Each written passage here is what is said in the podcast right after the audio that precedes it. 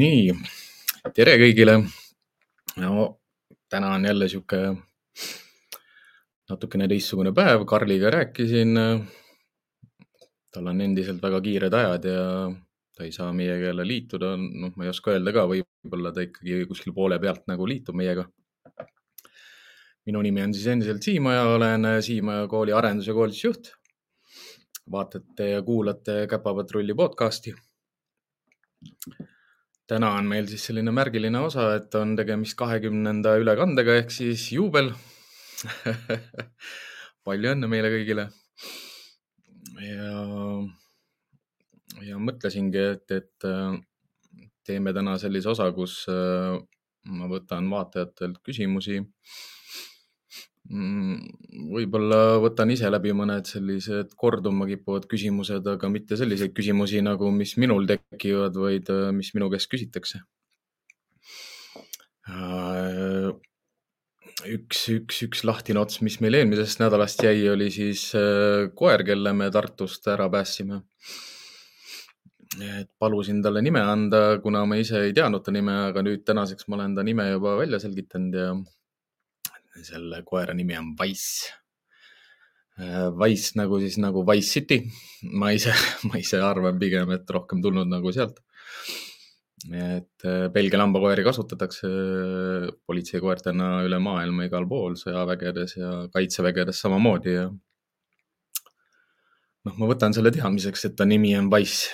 kas ma, kas ta selle nime peale reageerib või ei reageeri, seda ma ei ole veel testinud edusammud, mis on olnud Wise'iga, on need, et äh, ma olen temaga ilma rihmata nüüd juba jalutanud. ma olen temaga mängimas käinud. Mm, ma olen ta elamise mugavamaks saanud, ma ei pea teda puuris hoidma enam, ta on mul sellises natukene suuremas ruumis lahtiselt, et tal, mis on, mis on Wise'i puhul hea, on see, et jah, et ta, ta tuppa edasi ei tee, et ta on seal noh, päris paljusid asju on tal ikka suudetud nagu selgeks õpetada varasemast elust, mis on ka nagu väga-väga positiivne. mis mul praegu selle jutuga seoses meelde tuli, oli see, et mina sain täna meeldiva üllatuse osaliseks ja tervitused ja tänu lähevad siit äh, perekond Vaiklale ja Enge suur,, suur-suur aitäh sulle toetuse eest kui, kui keegi on ka huvitatud sellest, et kas te tahate mind näiteks natukene Wise'i tegemistega aidata, et siis ka, ka kui tahate Wise'i aidata, siis, siis igasugune euro või kaks on, on abiks. Wise saab head sööki, palju liikuda, palju mängida. näitan teile väikse video ka. käisime üks päev mängimas. ta on tubli tubli. Noh, ütleme niimoodi jah, tal sellist otseselt nagu kuulekust või kuulekust sellist ei ole, mida temaga eesti keeles saab rääkida, aga, aga midagi on talle õpetatud, mängida ta oskab. vedamist ta mängib hästi, palliloopimist oskab mängida, noh, põhilised mured ongi mängus need, et et ega ta ei too nagu mänguasja tagasi inimesele, siis toob jah, kui ma meelitan teda samaväärse mänguasjaga, siis ma saan selle mänguasja tagasi, aga kui, kui kutsuda või, või rääkida, ega siis ta noh, reageerib hästi nagu vilele, mingitele sihukestele emotsioonivabadele nagu prõksudele või plõksudele või nätsutamistele. aga jah, mida ma märkan ta käitumises on see jah, et, et mängus Mm, ikkagi noh, mida ma jälgin, on see, et, et koeral ei tekiks seda omastamist liiga kiiresti. Noh, omastamise alla läheb siis selline käitumine, kus koer saab mänguasja, ei too seda inimesele tagasi, läheb ise kuskile kaugemale ja hakkab seda siis noh, närima või lõhkuma või.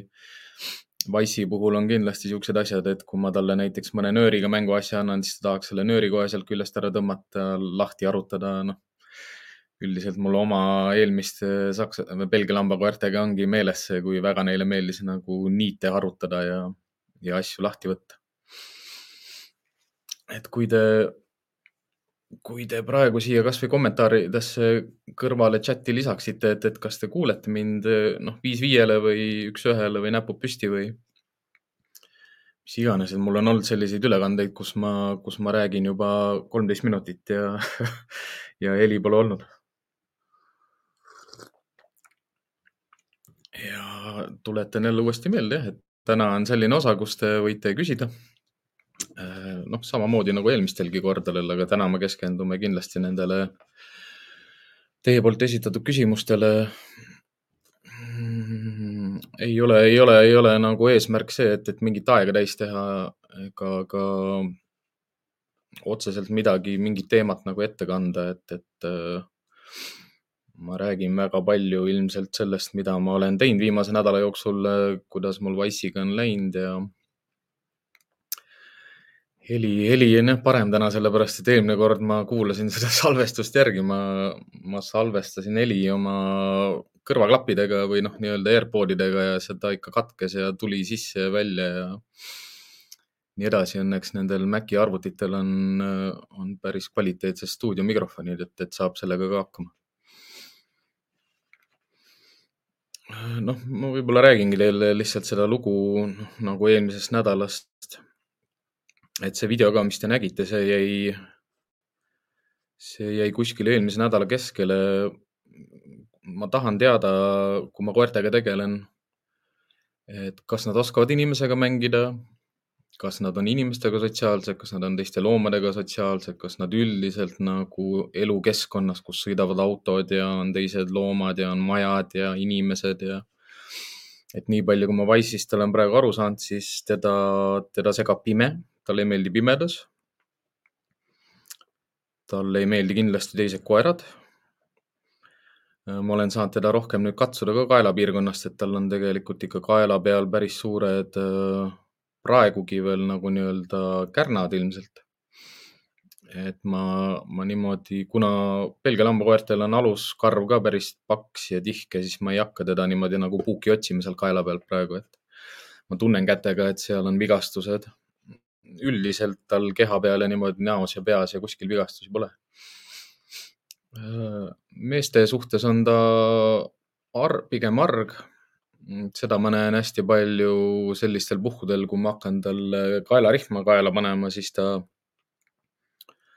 laseb ennast täis nagu selles mõttes, et ta pissib. mis on huvitav tema puhul, on see, et ta on, noh, pärast tunneb oma iseenda pissi vastu huvi ka aga noh, see tulenebki sellest, et kui ma kummardan tema kohale ja noh, sellega võib iga inimene ise ka arvestada oma koerte puhul, et, et et rihma kaela pannes, mida noh, on ka üks selline asi, mida ma kordan oma klientidele ka, et ärge kummardage oma koera kohale. noh, olgugi, et isegi noh, kunagi ei ole midagi juhtunud, koer, koer ei pissi ennast täis ka, ei lähe, ei lähe liigselt alandlikult ega midagi, aga aga just see, et, et äh, inimese ja koera vahelist suhtlust nagu hoida nagu hea ja, ja, ja kvaliteetsena ja usaldusel põhinevaga, siis ongi hea soovitus, et, et äh, noh, rihma kaela pannes lihtsalt kükitage, jah. mitte ärge kummardage.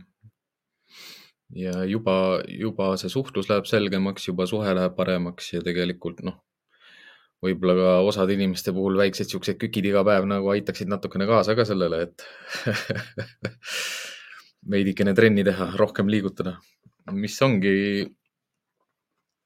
mida ma juba ammu ei mäleta, on see jah, et, et kui, kui sul on koer, kui palju ja noh, kui sul on selline energiline koer, kes vajab palju liikumist, kui palju sa liigud? Kui paksuks su tallad lähevad, kui, kui ümmargused su kannad on kui, kus, kus nagu erinevatest kohtadest löövad nagu valud välja ja ja kuidas sa pead õppima oma keha hoidma, et noh, täna ma jalutasin temaga neli tundi järjest. mõte oligi selles, et kuna ta on selline ebakindel koer, siis ta algselt jalutada minnes on hästi pinges. tal on alati alati suu kinni ja ta ei lase seda lahti, et noh, pika jalutuskäigu mõte ongi see, et ma väsitan koera nii ära, et ta ei jõua enam karta aga see eeldabki seda, et jah, et sa hoiad ikkagi need keskkonnad ka lihtsad tema jaoks, et, et ma ikkagi, noh, ma ei saanud midagi teha, ma läksin läbi Kohile ja ma pidin ta panema teatud olukordades nagu raskemasse keskkonda ja noh, ma saangi iseendale nagu seda pipart keelele riputada. Äh, mainisin eelmisel korral, et koer peab kaenla alla ah,. jah, jah. Mm, üldiselt selline pugemine nagu on äh, õpetatud käitumine ehk siis kui me kutsikad saame, siis nad on pisikesed.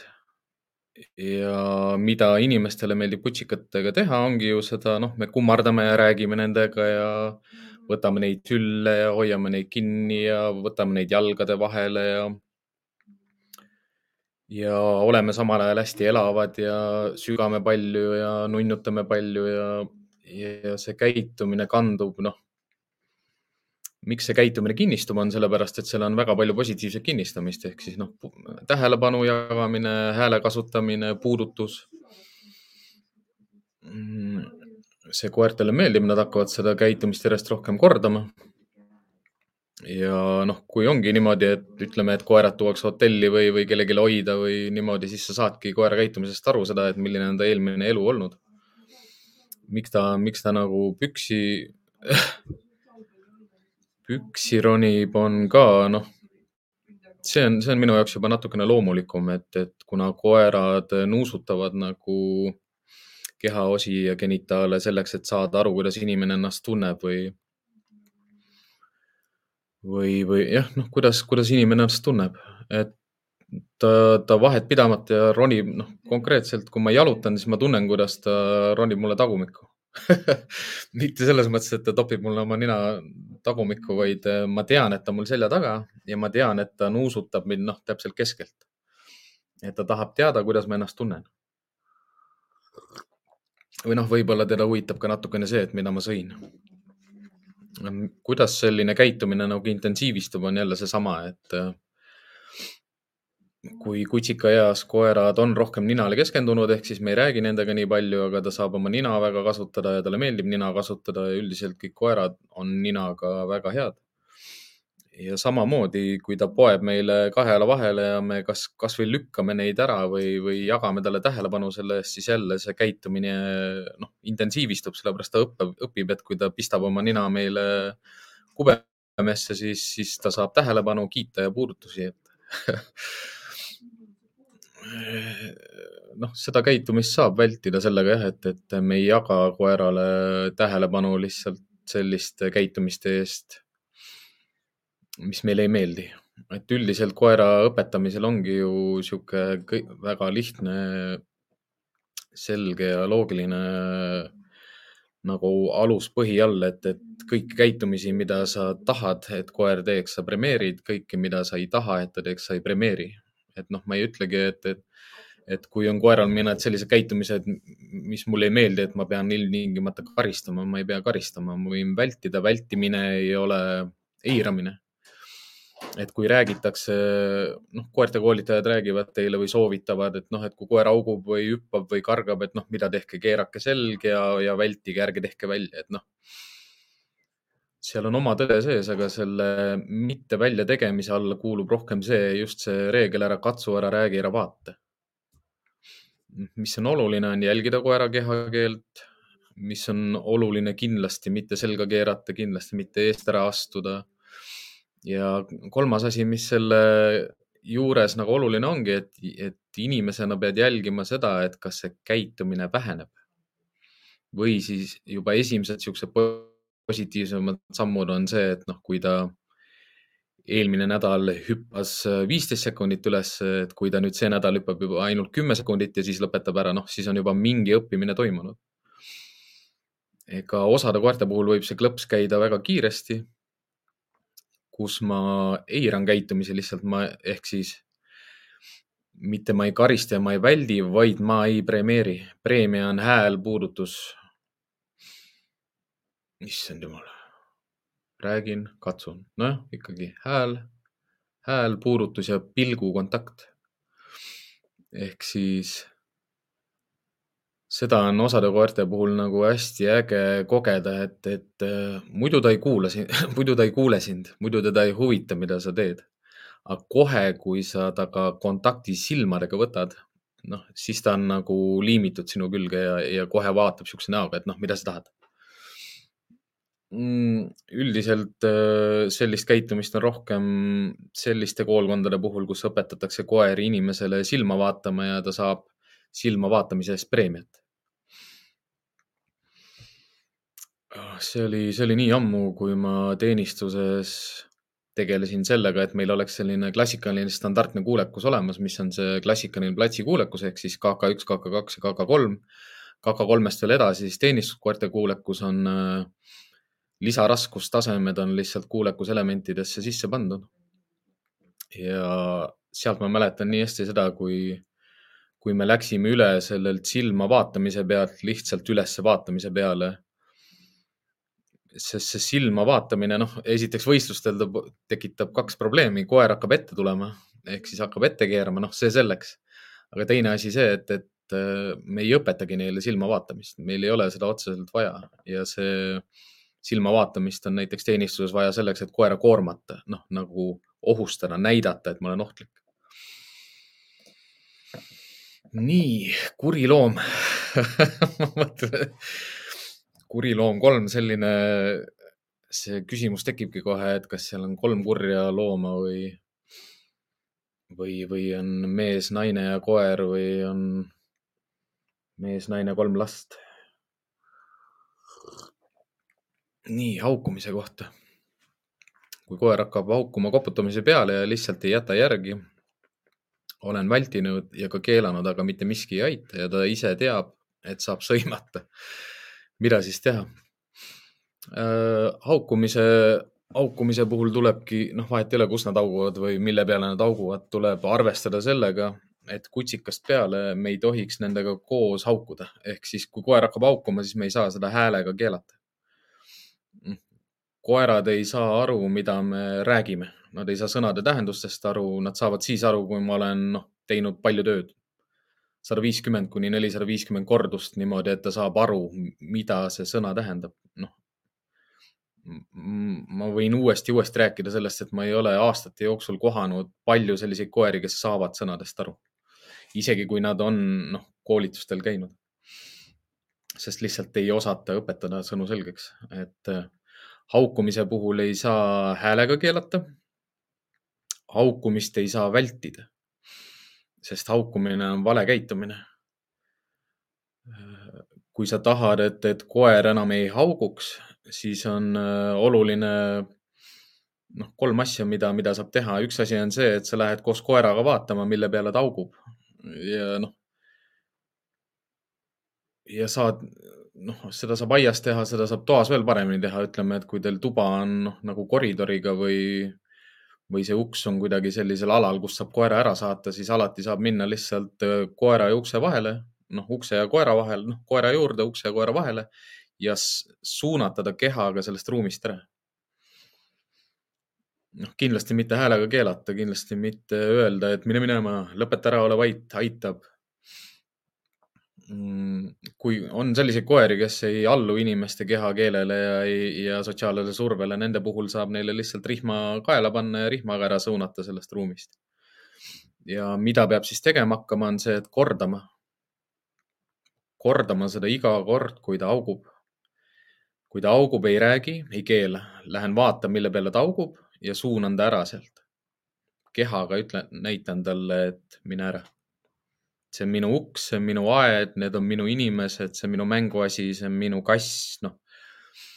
mine, mine selle juurest eemale. mulle ei, noh, me ei pea talle seletama seda, et mulle ei meeldi, et sa haugud raske nagu seletada. ja noh, teine asi, mille, millega tuleb arvestada, on see, et kui koer kaitseb kodu, kui koer valvab kodu kui koer arvab, et ta peab seda tegema, siis tuleb lihtsalt iseendale peeglisse vaadata, et äh, miks ta kaitseb kodu, miks ta arvab, et ta peab kaitsma või miks ta arvab, et tema on see, kes kodu kaitseb. ja kolmas asi, mida saab teha, on jah, on äh, sellised hääled, mis ei sisalda emotsiooni. ehk siis nips, plaks. jah, nips on väga hea variant ütleme, jah, kui ta läheb alla ja augub edasi, siis tuleb minna talle alla järgi. ja kõige parem on see, et, et tal oleks selline koht, kuhu sa saad teda saata. ehk siis, ehk siis sellel, sellel noh, keeld, mis tuleb ilma hääleta, mis on nips, plaks või, või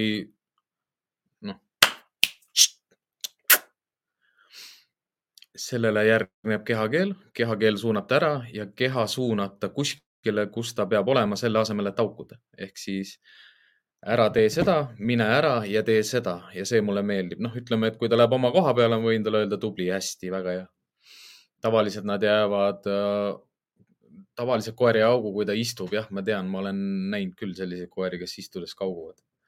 aga noh, siis ongi see probleem on juba nii suur, et kui ta juba istudes kaugub et siis ta on lihtsalt erutusest nagu nii, nii punnis, noh, ütleme, et häälega väga palju keelatud ja teine asi, iga kord hakkab mingi hull sebimine pihta, kui, kui mingi haukumisega on. ehk siis üldiselt jääda nagu väga rahulikuks. ja noh, see küsimus ka, et, et öö, oota, kui lähen ukse peale või akna peale, siis haugub kõrval ikka ja ka ukse juures selja taga ja kui uks avada, ikka haugub mm. -hmm. ehk siis ta on, ta on saanud nii palju preemiat selle eest, et ta haugub. ujudes haugub ka ja noh, see on tugevalt forsseeritud, noh, tugevalt premeeritud käitumine aga millest inimesed aru ei saa, et, et kui nad keelavad koera, siis see on ka preemia, sest kui koer ei tee vahet sellele, et, et kas sa oled, kas su hääl on kuri või kas sa oled vihane või kas sa oled pahane. jah, nad, nad saavad sellest aru siis, kui ta on sinuga nagu ööd ja päevad koos, ta tajub sinu rõõmu, sinu õnne, sinu kurbust, sinu viha. Nad neid emotsioone oskavad lõhna, lõhna, lõhnapildi järgi nagu eristada aga mis tõugu ta on, ta on tõenäoliselt mingi pisem koer.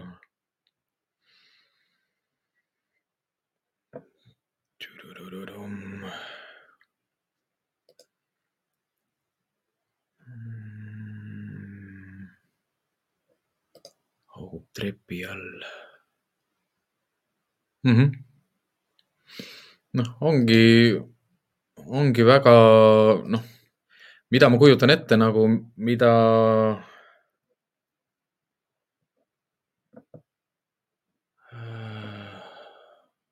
mis asjad need on, kas see on mingi, see palenett on koeratõug või ma korraks vaatan. aa, palenee, falenee. aa, nojah, pisikene koer jah, no siis ta tundub nagu, ta tundub äh, hästi nagu loogiline see on see väikse koera sündroom mm.. noh, väikeste koerte puhul ongi see häda, et, et äh, neile lubatakse tihtipeale rohkem kui, kui suurtematele koertele. noh, üks asi, üks asi, mida nagu tasub lugeda, on selline asi nagu small dog syndrome äh,.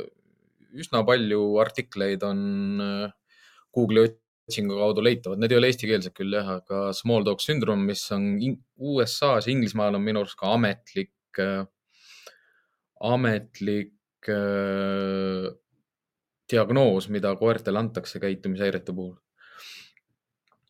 Äh,. miks nemad auguvad? Ongi ja valdavalt ikkagi sellepärast, et seda haukumist on kiidetud.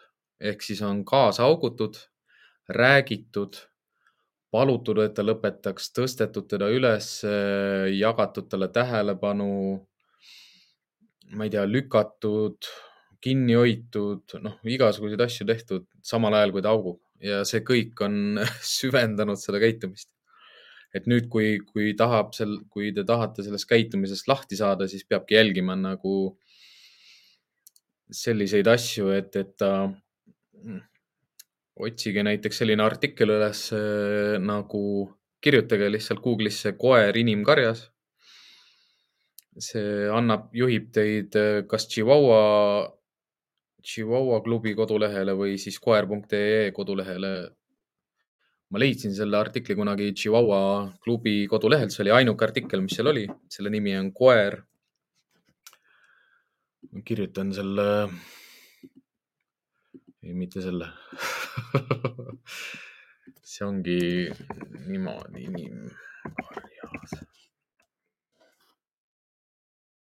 kui te kirjutate Google'isse koer inimkarjas, siis tuleb see artikkel, peaks kohe esimesena tulema, võib-olla mulle ta tuleb sellepärast, et ma otsin teda nii tihti aga te leiate selle üles, on kas Chihuahua klubi kodulehel või, või koer.ee lehel. Ja kui te selle läbi loete, siis te saate aru nagu võib-olla ka sellest, et, et kus te olete andnud nagu käest ära mingeid rolle karjas. mis ei toeta väga seda, et kas siis teie olete see, kes ütleb, mida ei tohi teha või, või noh, teine asi ongi see, et te olete õpetanud lihtsalt koerale, et teiega koos saab haukuda teiste peale. Seda karistada ei saa, sest kui sa noh, karistad, siis ta ei lõpeta haukumist ära.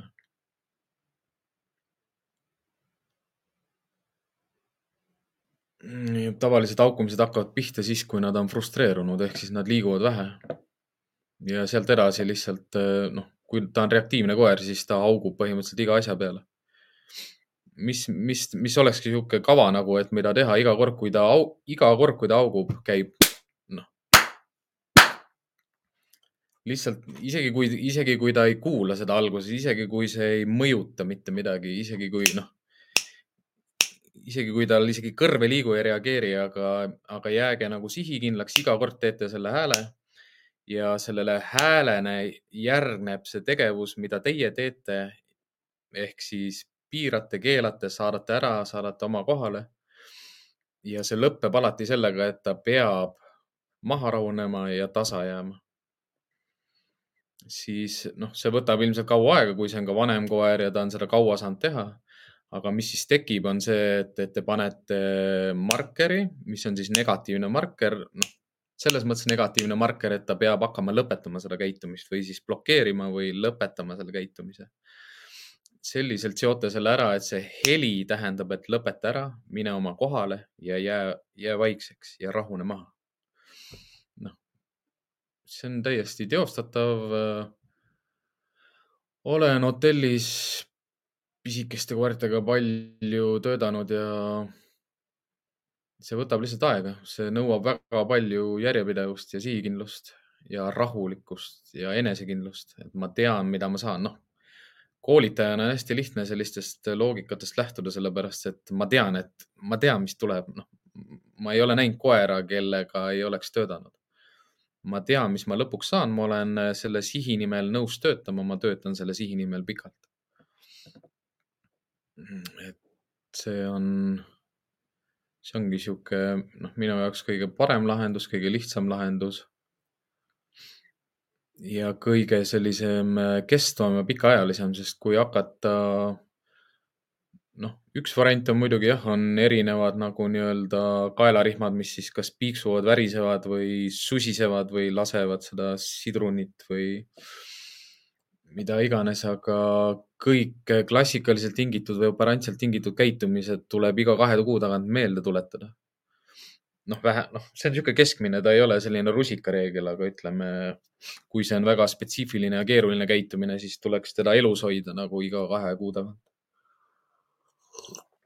Aga kui me tahame nagu naturaalselt saada seda, et, et koer lihtsalt ei haugu sellepärast, et ei ole vaja haukuda, siis ikkagi meie positsioon karjas peab olema paigas ja tema arusaam nendest häältest, mis me teeme, mis on talle arusaadavad, ehk siis iga käsklus võib olla ainult kaks silpi, veel parem, kui ta on ühesilbiline. sellepärast ka belglased ja prantslased on palju edukamad Monderingis, sest nende paljud käsusõnad on ühesilbilised. Noh, kui me üldse räägime sellest, siis maailmameister on äh, tumm naine ja kurt koer Äh, kahekordne maailmameister Agility's. et me ei pea tegelikult nendega rääkima. hea on, kui me saame nendega rääkida. kurtide koertega ma kasutan väga palju sellist äh, plaksutamist ja patsutamist, et kuna, kuna rää-, noh, ma ei räägi talle, et tule minuga kaasa, vaid ma, ma loon selle tähenduse nagu sellele helile, et mida see tähendab. et noh, quick fix koolitajad me endiselt ei ole ja ja see võib osade koerte puhul võtta kaua aega, seda enam veel, kui koer ei austa inimest ja ei usalda inimest, siis see võtab kauem aega. noh, ütleme, et kui mina tuleks teile külla ja näitan ühe korra ette, siis see ilmselt töötab nagu noh, kahe-kolme korduse järel, aga see ei ole mõte.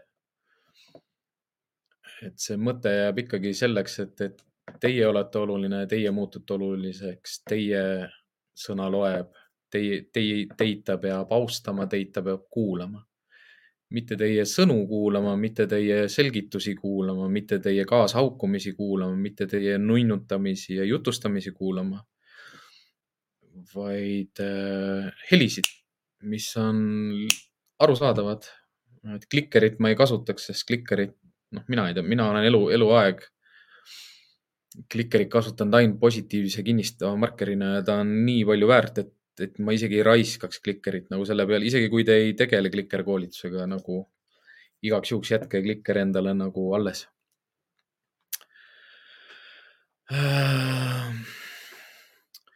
suurema jalutamisega on jah, paljud asjad läinud paremaks, aga autode peale reageerimine isegi hullemaks. kas pigem rohkem panna teda sellesse olukorda liiklusesse, nii-öelda flooding?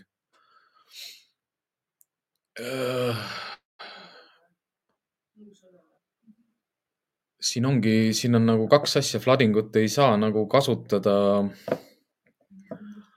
Flooding ut ei saa kasutada inimene, kes ei tea, mida ta teeb mm.. ja hästi oluline sealjuures ei ole mitte see, et ma noh, näiteks lähen Ülemiste Ülemiste tee äärde jalut-, noh, üle, mis, mis on Järvevana tee.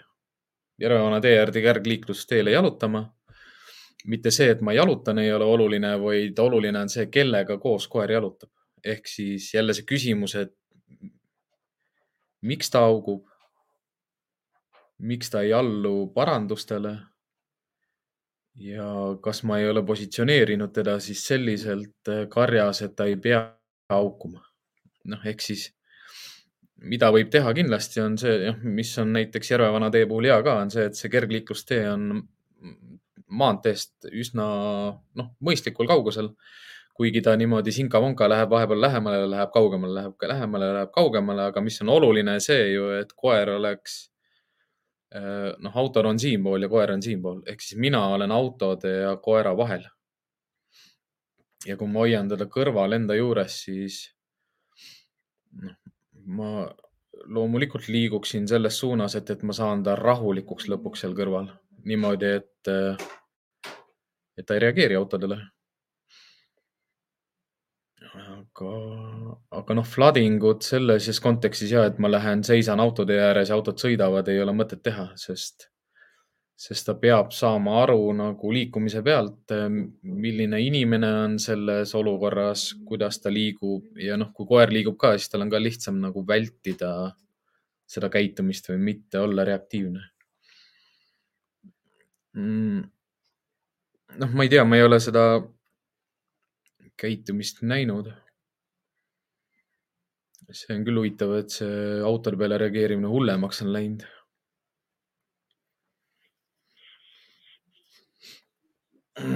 pakun, äh, noh, üks variant on see ka, et aga rohkem mängida saagimänge, kus ta saab suunata oma käitumist, seda saagi käitumist rohkem nagu mängu, mitte autodesse.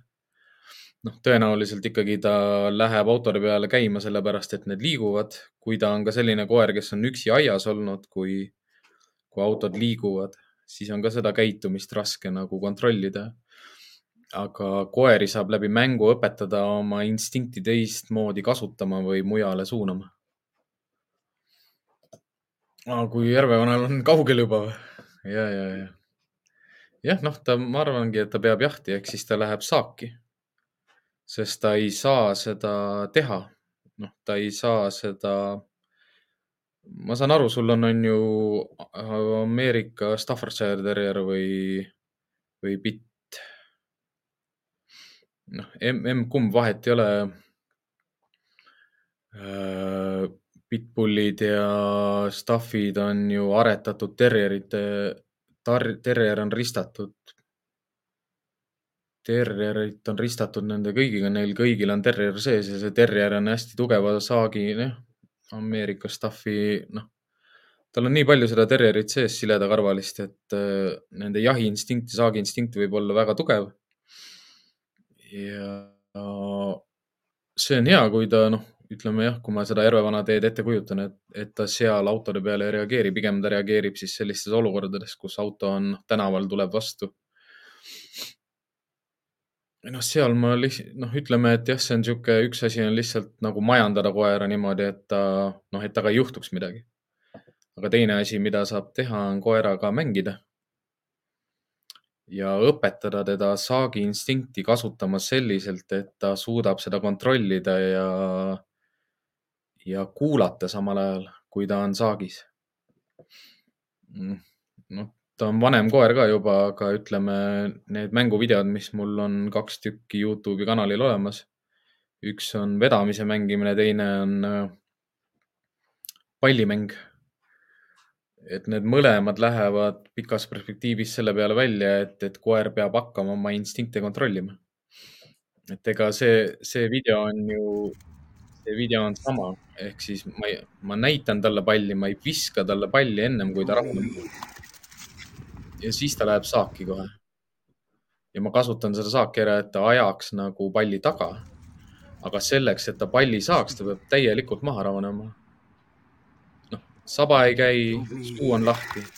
ma viskasingi palli just sellepärast, et ta suu lahti tegi et kui te alguses näete, noh see ei olnud, ma viskasin kolmandat korda talle, ta on närviline ka, muidu ta ei limpsaks nii palju. aga just see näoilme, see näoilme on see, mida ma tahan kätte saada. vaatan, kas ma saan pausi peale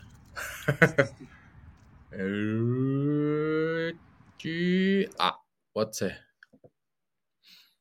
seda premeerin. Et ma, ma premeerin ainult mängus rahu ja rahulikku olemist siis mul on lihtsam seda ka mujale nagu üle viia tema elus. ehk siis, sest kuna see instinkt on sama, mängus ta kasutab samat instinkti, mida ta kasutab autode äraajamiseks või autode tagaajamiseks, et see ei ole teine instinkt. Instinkt on sama ja ma saan õpetada teda seda instinkti mujale suunama, teistmoodi kasutama, teisel otstarbel kasutama, aga noh, jällegi see töö selle nimel on pikk, mitmetahuline ja tõenäoliselt ma pean ikkagi ühe video nagu veel välja andma, noh, tõenäoliselt ma teengi selle Wise'iga ja ma näitan teile Wise'i peal nagu ära selle, et, et kuidas mõista seda, mida koer teeb mängus, mida ta vedamismängus teeb ja mida ta äh, tagaajamismängudes teeb ja kuidas seda instinkti kontrollida seal mängus, mida jälgida ja kuhu, kuhu välja jõuda. tere, Inga iga kord sa tuled mulle meelde, kui, kui ma Karli peale mõtlen ja Karli peale ma mõtlen kolmapäeviti kolmapäeva hommikul mm,. Võtame sinuga kindlasti ühendust, eks me ootame ka võib-olla, et meil endal läheksid need ajad natukene vähem tihedaks ja, ja ilm, ilmad ka ilusamaks. kui noh, Inga küsib, et kui koer arvab et ta peab kodu kaitsma vihaselt ning omanikuna oled juba pikalt peeglisse vaadanud, siis mis oleks järgmine samm, mida teha, et koer hakkaks teisiti arvama? mõni praktiline soovitus? Peeglist vaatamisest ainult kasu ei ole kolm, kolm sellist suuremat kolm sellist suuremat potti, mida tuleb vaadata. esimene asi on, millised on rollid karjas. milli, siis teisena, mida ma alati vaatan, on see, et milliseid mänge me mängime, mis, mis mänge me laseme koeral võita ja mis mänge võidame meie. Sest mängud ei ole ju ainult mänguasjadega. selliseid mänge, mida koerad mängivad nagu noh, õi-, õigus midagi teha või õigus kuskil olla või õigus kuhugi jõuda või selliseid mänge on äh, palju rohkem, mida koerad mängivad. noh, koer on hästi sotsiaalne loom ja neile meeldib mängida. Nad, nad mängivad palju erinevaid mänge. sest mäng on ka paljude koerte selline abivahend äh, konfliktidest väljasaamiseks. Noh, ütleme see saba liputamine ja, ja keha vintsutamine, et see on see on ju samamoodi hästi leebe mängu, mängumärk või noh, kummardamine või mängima kutsumine. et kui ta vihaselt äh, kodu kaitseb, siis noh, ongi tal, tal on esiteks äh, ebaselge see, kes omab ressursse ehk siis kelle oma on kodu, kelle oma, kelle omad on asjad ja kelle oma oled noh, sina, sa ei ole koera oma teine asi see, et, et mis rollid tal karjas on, ehk siis milliseid rolle ta täidab. kui ta peab valvaja ja kaitsja rolle, noh, siis tuleb vaadata lihtsalt jalutuskäigud ja magamiskohad ja söögiajad ja noh, kõik noh, kasvõi no ütleme, kodu kaitsmise puhul tuleb üle vaadata esimese asjana see, kus koer magab. ehk siis magamiskoht ei tohi olla uksega samal joonel ja ta ei tohi oma pesast ust näha ja ka sellised koerad, kes strateegiliselt paigutavad ennast keset, keset koridori, keset elutuba, noh, nüüd on need avatud planeeringud ja igasugused asjad, et koer ei lama kunagi niisama kuskil, kui ta ei ole just nagu oma koha peal, mille ma talle panin kuskile kõrvalise koha peale, kus ta ei valva. tänapäeval nii raske teha sellistes äh, korterites ja majades ka, kus on maast laeni aknad ja koer isegi ei saa kuskile niimoodi seisma jääda, et ta ei valva, et ta ei vaata, et ta ei jälgi. et noh, kodus tasub niimoodi ümber va ringi vaadata, et kuhu ma oma koera panen selliselt, et ta ei valvaks. noh, hea märk juba sellest, et, et kas see kaitse ja valvaja roll on tema oma või see on minu oma, aga noh, see eeldab ka seda, et kui see roll on minu oma, siis ka mina pean olema hea kaitsja ja valvaja, aga tahes-tahtmata meie koer kuuleb paremini kui meie ja meie koer tunneb lõhna paremini kui meie aga mida me saame teha, ongi see, et kui koer augub, siis ma lähen vaatan, mille peale ta augub. sest ta andis mulle teada, ma hakkan teda kasutama rohkem nagu koostööpartnerina, kes annab mulle asju teada. mitte ma ei keela teda. ma tavaliselt ütlen koertele aitäh ka, kui ta aukus, et noh, eriti veel, kui oli põhjust haukuda, noh, ütleme, mul tulid külalised mingi võõras inimene on ukse taga või hoovis või aias või ta ajas mingi võõra kassi või koera ära, noh, super, noh, et selles mõttes hea, aitäh, et neid võõrad ei pea siin käima. kõige praktilisem soovitus mul on endiselt see, mida ma saadan kõikidele oma, oma klientidele põhimõtteliselt, keda ma just sellistes küsimustes külastan, et nad loeksid selle artikli Koer inimkarjas nagu inimkarjad, kui ma kirjutan selle siia, noh, palun väga, esimene kohe, koera käitumine, koer.ee. nii lihtne, no panen selle aadressi siia. See on sihuke, noh, seda on oluline nagu mõttega läbi lugeda, mitte, mitte sellises kontekstis, et kas koer on, kas koer on hundist arenenud, ei ole, koer on koer aga koer on kiskja, kaniin,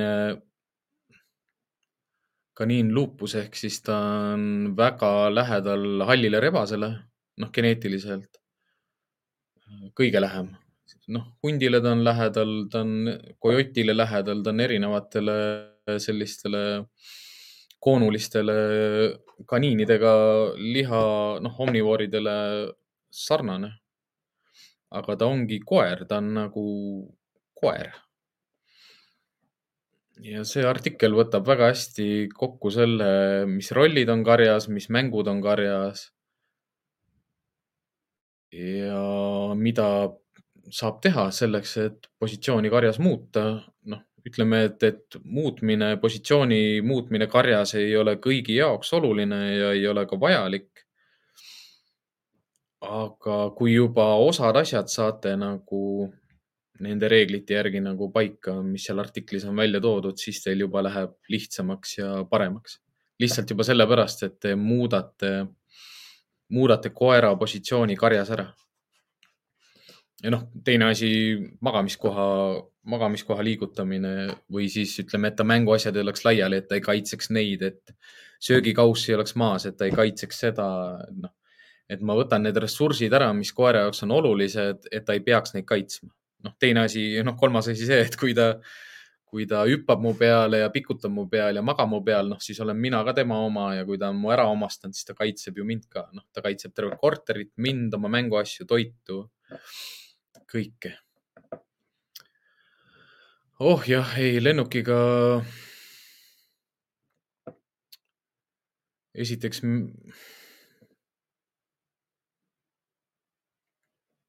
jah, ma ei, ma ei, mina ei ole selline medikamentide või ütleme jah, tablettide või usku ja ma ei poolda neid, aga ütleme lennureisi puhul ma teeksin sellise erandi küll. et ma olen näinud, mida rahustid mu koeraga teevad. noh, ta on nagu purjus inimene. kui ta lennureisi ajaks näiteks saab rahusteid ja ta on lihtsalt uimane, et, et kogeda ja tajuda seda, mis temaga toimub, siis siis ma isegi nagu arstiga, noh näiteks Anu Poobuga konsulteerides saaksin ilmselt mingi sellise doosi oma koera jaoks, mida ta soovitab lennureisi ajal võib-olla anda, ma ei, ma ei kujuta ette. kui koer ei ole harjunud puuriga, siis tuleb, tasub harjutada puuriga noh puur ei pea olema selline koht jah, kus ta magab või on.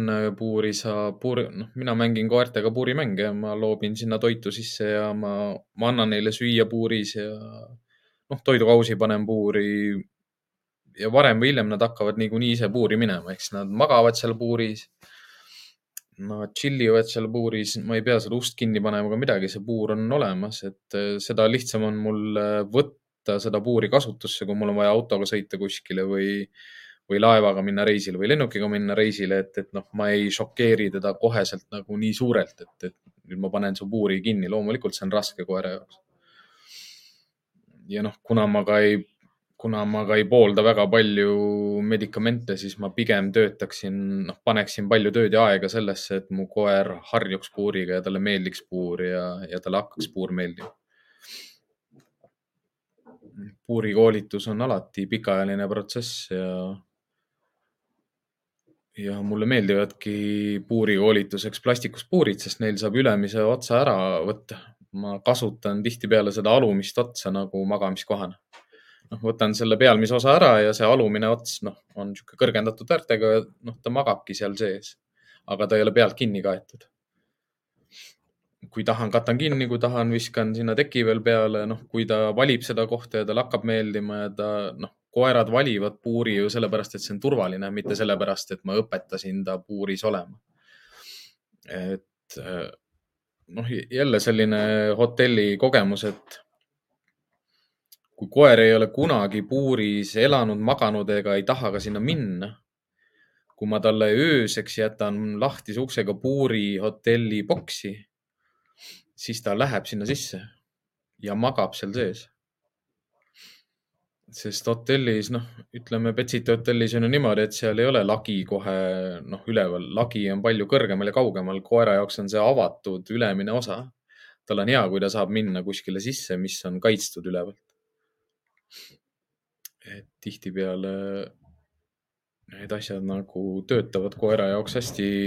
koer valib ju puuri sellepärast, et ta on, nad on uruloomad, nad on pesaloomad, nad teevad endale pesa, nad kaevavad endale pesasid ja auke. Lähevad puuri hea meelega, kui ta ei lähe, siis, siis on lihtsalt valesti, valesti kasutatud puuri ehk siis kas sunnitud puuri minema või, või ongi niimoodi, et pannakse puuri ja siis lennukisse iga kord, kui puuri pannakse, pannakse siin lennukisse. et noh, see ka ei ole nagu hea variant. aga kui te jah,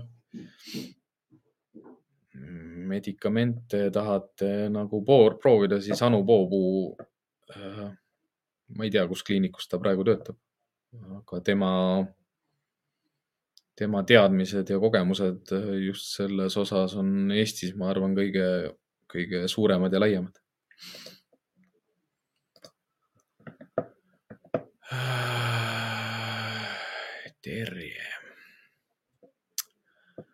Karmikarvaline taks muutus tänaval veel ebakindlamaks, reageerib võõraste peale varasemast rohkem peale päevahoius Amstaffi lõugade vahel olemist. võib-olla Karl on rääkinud. kuidas enesekindlust kasvatada?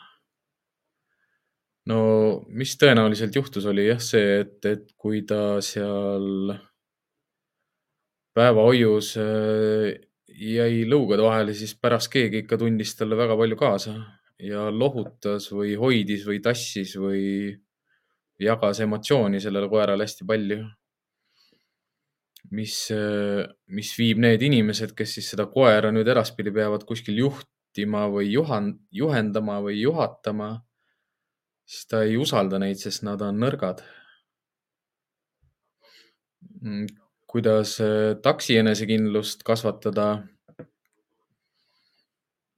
on, tulebki lihtsalt, äh, no sina ei pruukinud jagada, aga kuskilt, äh, kuskilt keegi ei unusta seda ära. ehk siis seda sündmust ei unusta keegi ära. ja keegi tuletab talle meelde see, mis temaga juhtus. ja pärast seda sündmust ei olnud lihtsalt piisavalt äh, aega koeral harjuda sellega, et et olukord ei ole hull, tõenäoliselt need koerad eraldati ja, ja viidi üksteisest kaugemale. aga mis inimestel ongi raske, on see unustada osad juhtunud ära, juhtunud asjad ära. kui koer käitubki, noh, natukene nagu kontekstist väljas või, või noh, ongi arglikumalt või, või reaktiivsemalt, siis me hakkame seda ka märkama ja ja me ise muutume ärevamaks ja koer tajub seda ja siis see olukord ainult kasvab ja kasvab ja kasvab, ta ei, ta ei rahune maha. ja ma arvan, liiga, liiga pikk aeg oli vahel. Nad ei peagi üksteisele ligi minema. et üldiselt, kui koerad lähevad kaklema, siis nad tuleks sinna samasse, sama koha peale pikali panna kinni hoida, mitte kõvasti, kinni hoida nii palju, et nad rahuneksid maha ja lasta lahti. see, see väljakutse, see, et ta pidi pärast uuesti selle koeraga väljas kokku saama, see võis olla juba väljakutse. ja kui ta, kui ta, kui ta endiselt nagu ehk siis veab rihmas või, või juhib jalutuskäiku siis ta oma, noh, koer oma, noh, kui on niisugune ebakindlam või nõrgem või ebakindlam koer, siis ta ju ei mõtle seda välja, et ta on enesekindlam. sa pead näitama talle seda, et sina oled enesekindel, rahulik ja sihi, sihikindel juht. aga teine asi, ma ei panekski teda alguses nii keerulistesse olukordadesse, kus tal on raske. noh, praegu ikkagi tõenäoliselt on vaja mingi periood koguda nii ennast kui ka koeral ennast nagu koguda ja, ja, ja, ja koguda tagasi see usaldus inimese vastu. noh, millega ma ise praegu selle Tartust päästetud koeraga tegelen, ongi, ongi sellega, et, et tema usaldus minu vastu kasvaks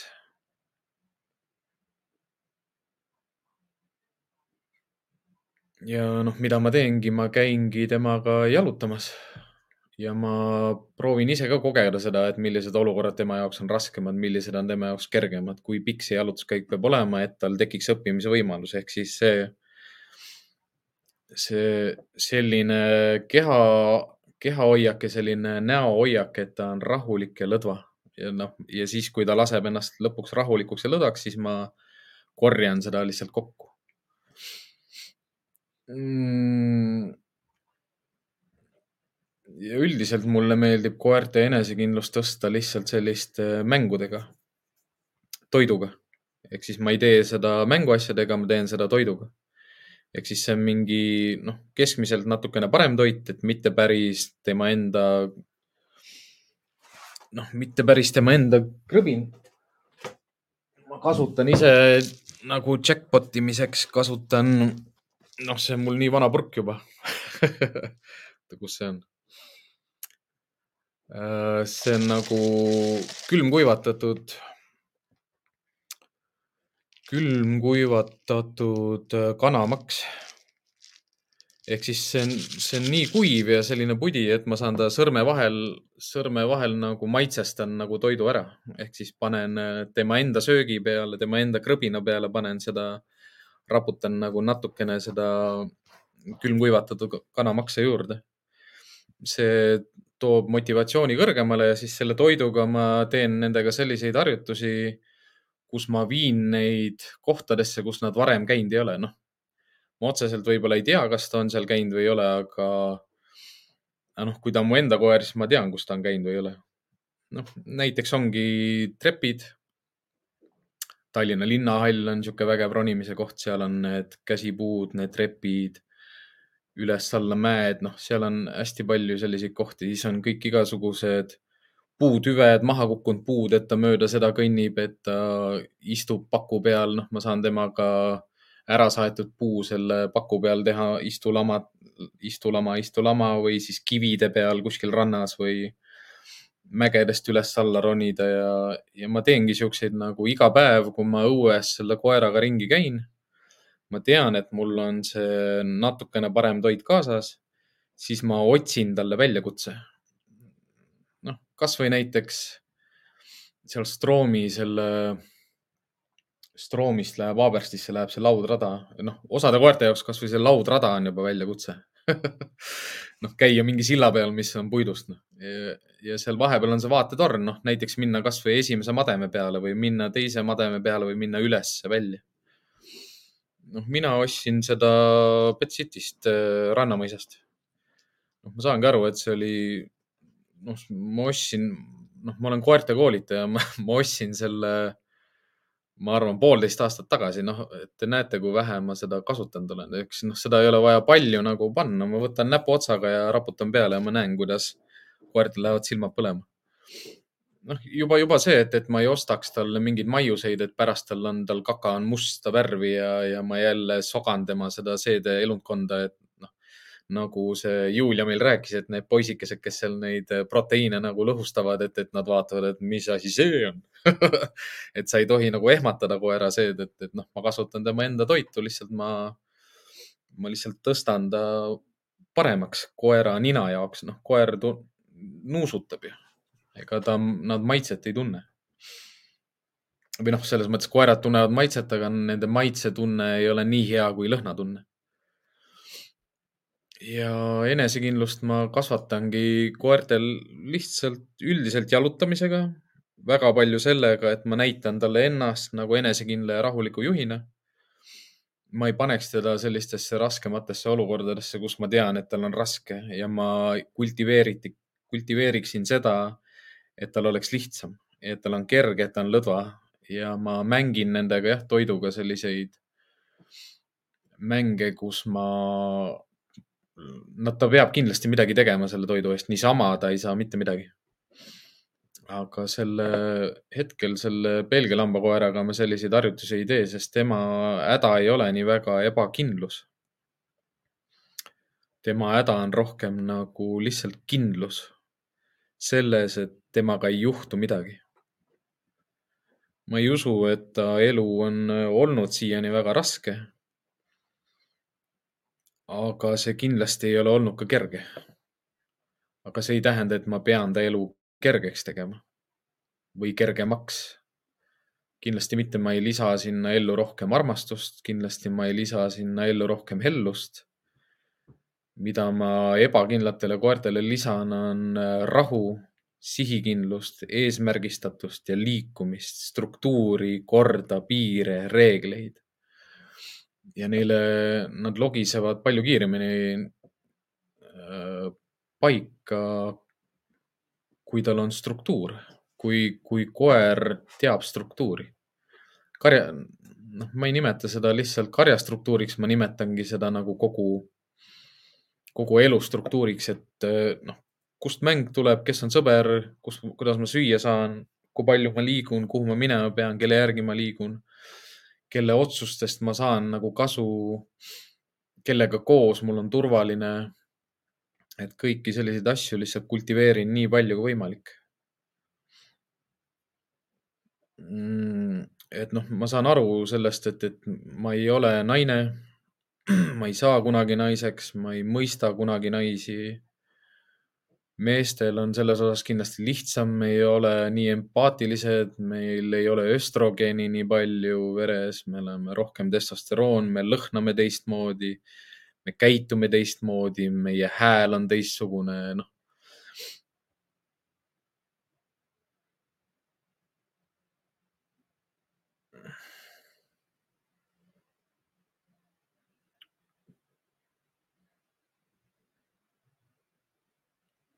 See küsimus ongi noh, kõikide inimeste jaoks palju rohkem see, et kuidas leida ennast nagu inimesena uuesti looduses üles, et, et kes ma, kes ma looduses inimesena olen. noh, sellest, isegi minul on sellest väga raske nagu seda koertele tõestada, sest ma lõhnan ju nagu, nagu hea söök ja tuba ja, ja tervis on hea ja kõik asjad on korras, et ma elan soojas ju ja ägedad sellise kogemuse, kui sa saad ikka viis päeva koeraga metsas olla ja üldse näidata koerale noh, elu selliseid tahke nagu võib-olla mitte nii lillelisi tahke ja nii kergeid tahke ja nii käega katsutavaid ja kergesti saavutatavaid, et noh, kui koera elu on selline, et, et, et kauss on looka sees, mänguasju on palju, magamiskohti on neli inimesi, kes teda sügavalt paitavad, tassivad ja kannavad, on noh, lugematu arv.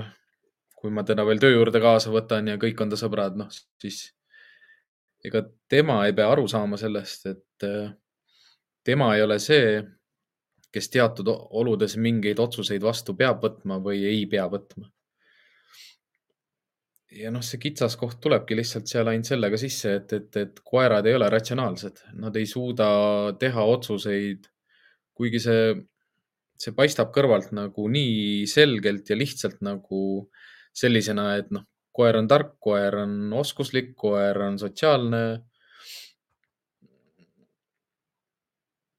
koer oskab inimesega mäng-, noh, et küsibki, kas koer oskab mängida, kas koer on õnnelik, kas koer on sotsiaalne. jah, jah, jah, jah, ma lähen külla, vaatan, see koer ei oska inimesega mängida, see koer ei ole sotsiaalne kõikide inimestega, noh. et ilu on alati vaataja silmades. Äh, nii Johanna siis kommenteerib, et vahel, kui naabrid ukse tagant mööduvad, siis koer kõnnib hingeldades ukse juurde. kas see on mingi jõutunnus või miks nii teeb? hingeldades. ehk siis ta läheb stressi või erutub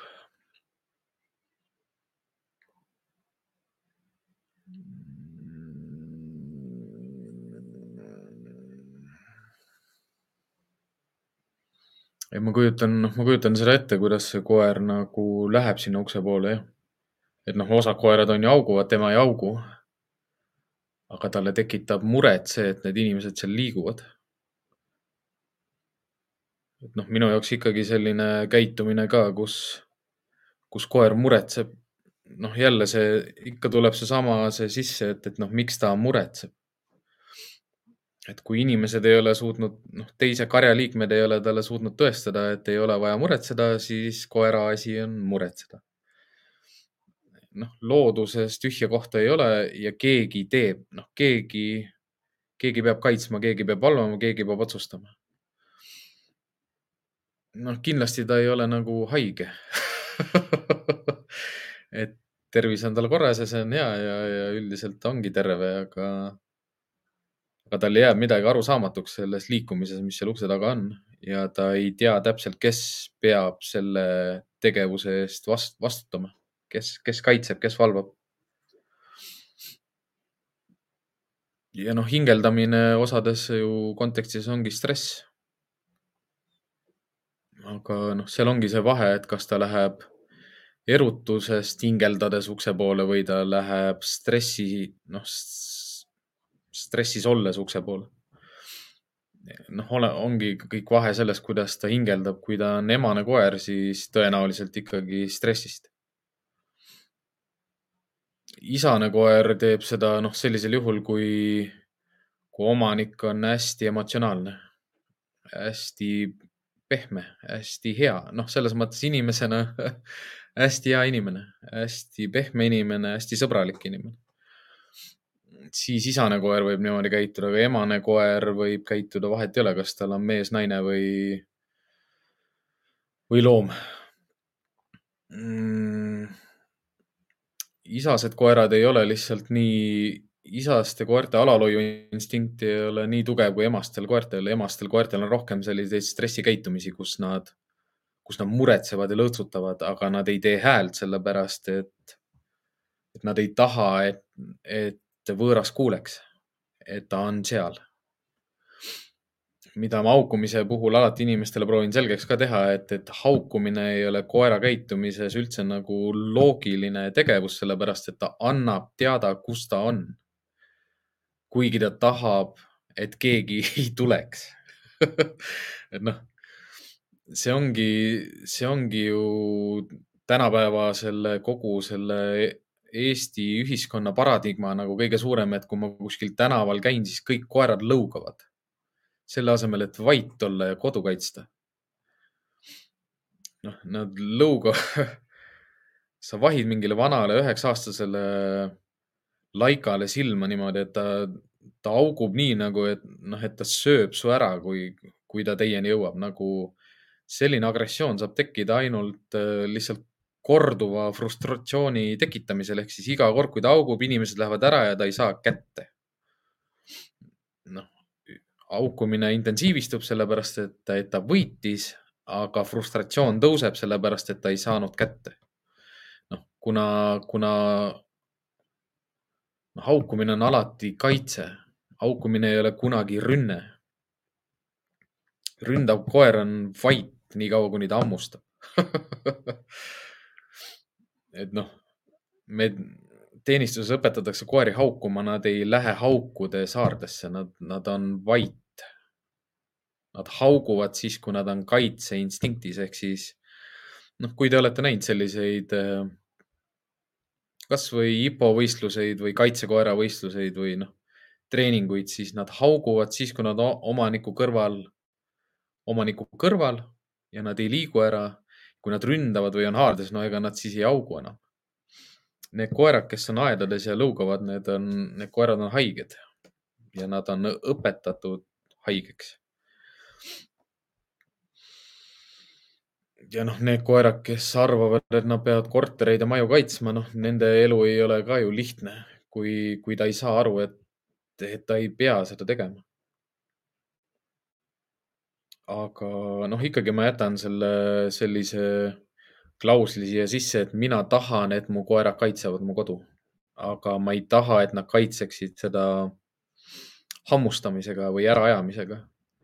noh, kui te mõtlete nagu kaitsekäitumise peale või kuidas kaitse läheb üle saagiks, noh, ütleme kasvõi kõiki neid rünnakuid, mis on, mis on olnud Eestis nüüd viimasel ajal uudistesse ka jõudnud. ega see ükski koer ei taha hammustada aga ta ei saa mitte midagi teha, kui ta läheb ju saagiinstinkti, aga saagiinstinkt ei ole lihtsalt ju sees ja noh, ta on jah sees ja väljas, aga ta ei ole ühe intensiivsusega ehk siis see intensiivsus algab alati otsimisest. noh, otsimine ongi nina maas, otsib ehk siis see on saagi käitumise algus. järgmine on leidmine ehk siis ta otsib, leiab jälgib, noh, see on see, kus räägiti nendest autode peale, autode peale turri, turri tõmbimiseks, ehk siis see on, ta jälgib ja hakkab juba jälitama, noh, ta jälgib, siis ta hakkab jälitama. kui ta jälitab, siis ta ka ei augu. Peale jälitamist ta saab kätte, kättesaamine ei tähenda seda, et ta peab hakkama tapma. kättesaamine võib ka tähendada seda lihtsalt, et ta hoiab kinni kui koer juba saab kätte ja hakkab raputama, siis järgmine selle koera käitumine ongi juba ju tapmine või siis nii-öelda jah, rebimine, lõhkumine, rebimine. ja viimane aste sellel on, see ei olegi viimane. järgmine aste on tapmine ehk siis ta tapab ära. ja kõige viimane on ta sööb ära. ehk siis saagi käitumine hakkab pihta tegelikult väga väiksest ja lihtsatest käitumistest lõpeb ärasöömisega ja noh, mida me aretuses oleme koerte käitumisest nagu endale võtnud, ongi, et osad jahikoerad hauguvad ja piiravad ehk siis nad ei lähe saagi käitumisest. Nad lähevad proaktiivseks ehk siis nad ei ole enam saagis, nad lähevad kaitseinstinkti, nad vahetavad instinkti ja hakkavad piirama, nad hakkavad haukuma. ehk siis me saagi käitumise oleme lõpetanud sealt maalt ära, kus ta veel jälitab, aga ei saa kätte on selliseid koeri, kes lähevad urgu sisse, saavad kätte, murravad maha ja toovad välja. noh, taksid on ju kõikidel taksiomanikel tervised. ja Jack Russell. ja Yorkshire Terrier, kas te tahate või ei taha seda, et Yorkshire, kes ei tea, siis Yorkshire Terrierid said alguse Yorkshire'i villatehastest Inglismaalt, kus nad öösel lasti Yorkid tehase peale lahti, et nad tapaksid rotid ja hiired ja hiired ära. ja Inglismaal olevad rotid on ikka noh, peaaegu terjeri suurused sellel ajal. ehk siis jah, ma ei tea, kas ma sellest saagi käitumise järjekorrast olen rääkinud jah, aga mida ma ennem äh, Engele mainisin selle saagi instinkti kontrollimise õpetamisest koerale. Ongi see mõte, et äh, ma tean, milline on tema see saagi käitumise jada, aga ma lõpetan selle seal ära, kus ta saab kätte. ja ma ei õpeta teda rebima, ma ei õpeta teda tapma ja lõhkuma, ma õpetan teda lihtsalt kätte saama ja kinni hoidma ja kõik. et sealt edasi ma ei õpeta aga ma õpetan seda selleks, et ma saaksin selle panna käsu alla. Ehk siis ta teeb seda ainult siis, kui ma luban või kui ma, kui ma annan selgelt kehaga märku, et ta võib seda teha. noh, koerad, kes on inimesi rünnanud, äh, nende omanikud on nendega mänginud niimoodi et kui nad viskavad neile mõne asja või palli, siis nad jätavad selle koera kätte. koer on saanud selle asja ära lõhkuda ja puruks rebida.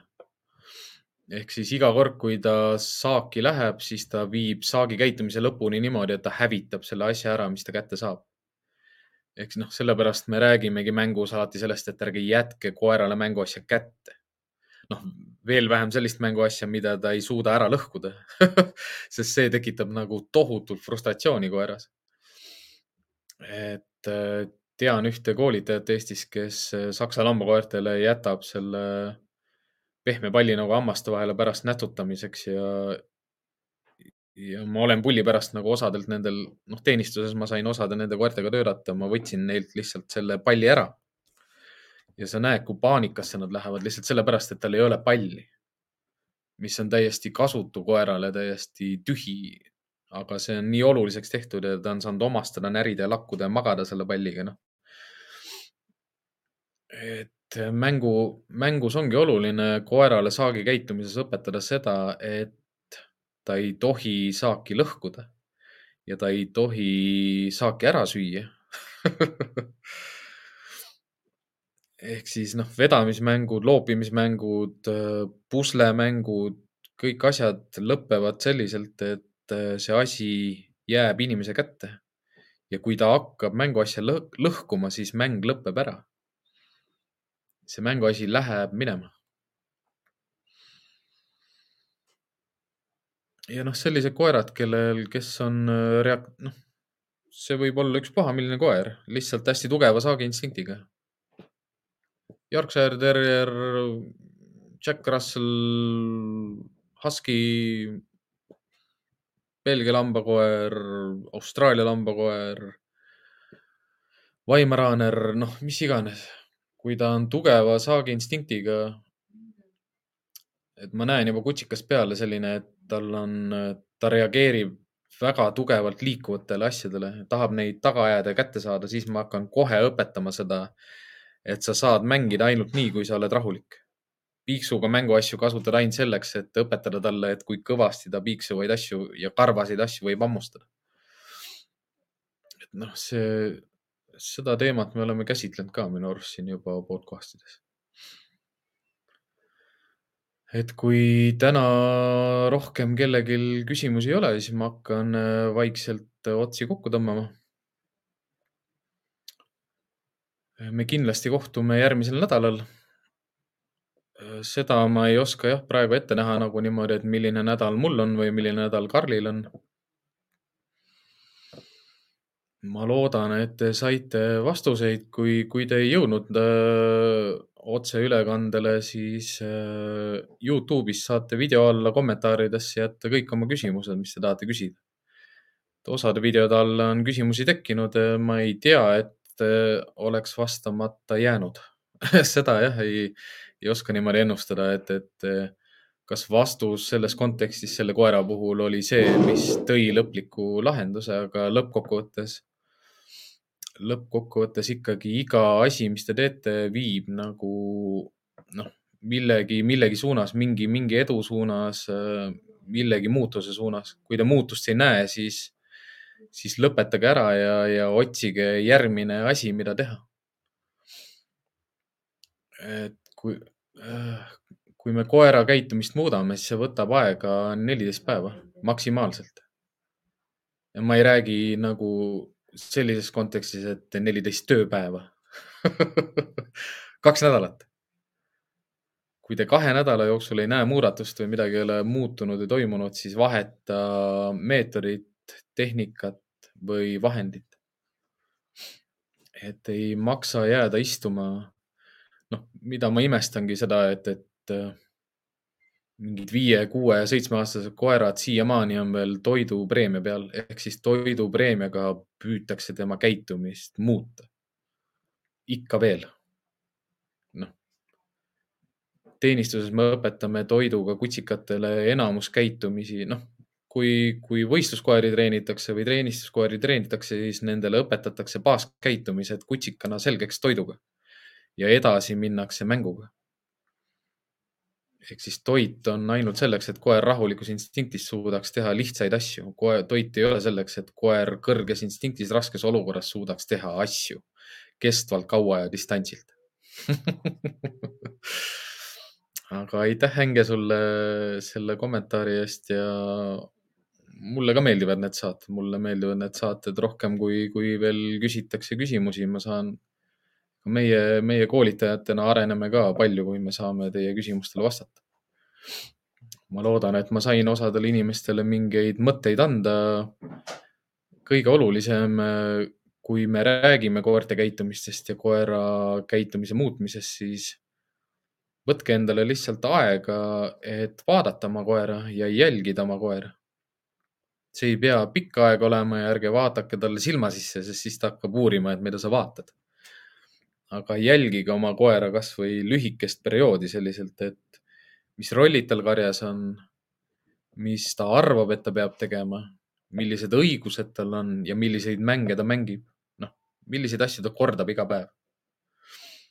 ja noh, kui te tahate väga sellised pedantsed olla, siis pange kirja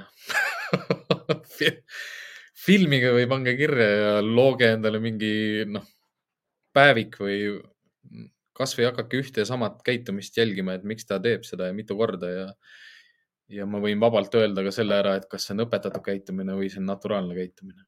et just see nädal käisin ühe koera juures, kellel ei olnud ühtegi probleemset käitumist, aga tal oli mitu õpet, inimese õpetatud käitumist, mis pikas perspektiivis on häirivad. noh, kui tegemist on kutsikaga, siis see siis see on nagu lahendatav veel, lihtsalt inimene peab osad asjad ära lõpetama, lihtsalt ära mitte tegema.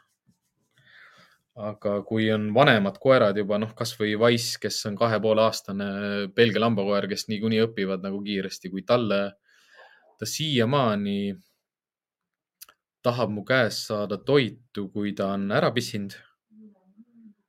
ja tahab mu käest saada toitu siis, kui ta ei saa aru täpselt, mida ma tahan ehk siis ta topib oma koonu, noh, mulle käe sisse ja lakub, lakub seda. et noh, ilmselgelt taga on tehtud erinevaid asju ja, aga kui ma proovin nagu oma meetodeid kasutada kasvõi kuulekuse koolituses, siis ta ei reageeri ühelegi, noh, nendele meetoditele, mida mina olen harjunud kasutama, et keha, noh, käemärgid ja kehakeel, et, et ta mõistaks neid, noh, ta ei mõista. ma ei tea, kuidas teda õpetati, kas ogade või, või elektriga või mille, millega eranis. no võtame viimase küsimuse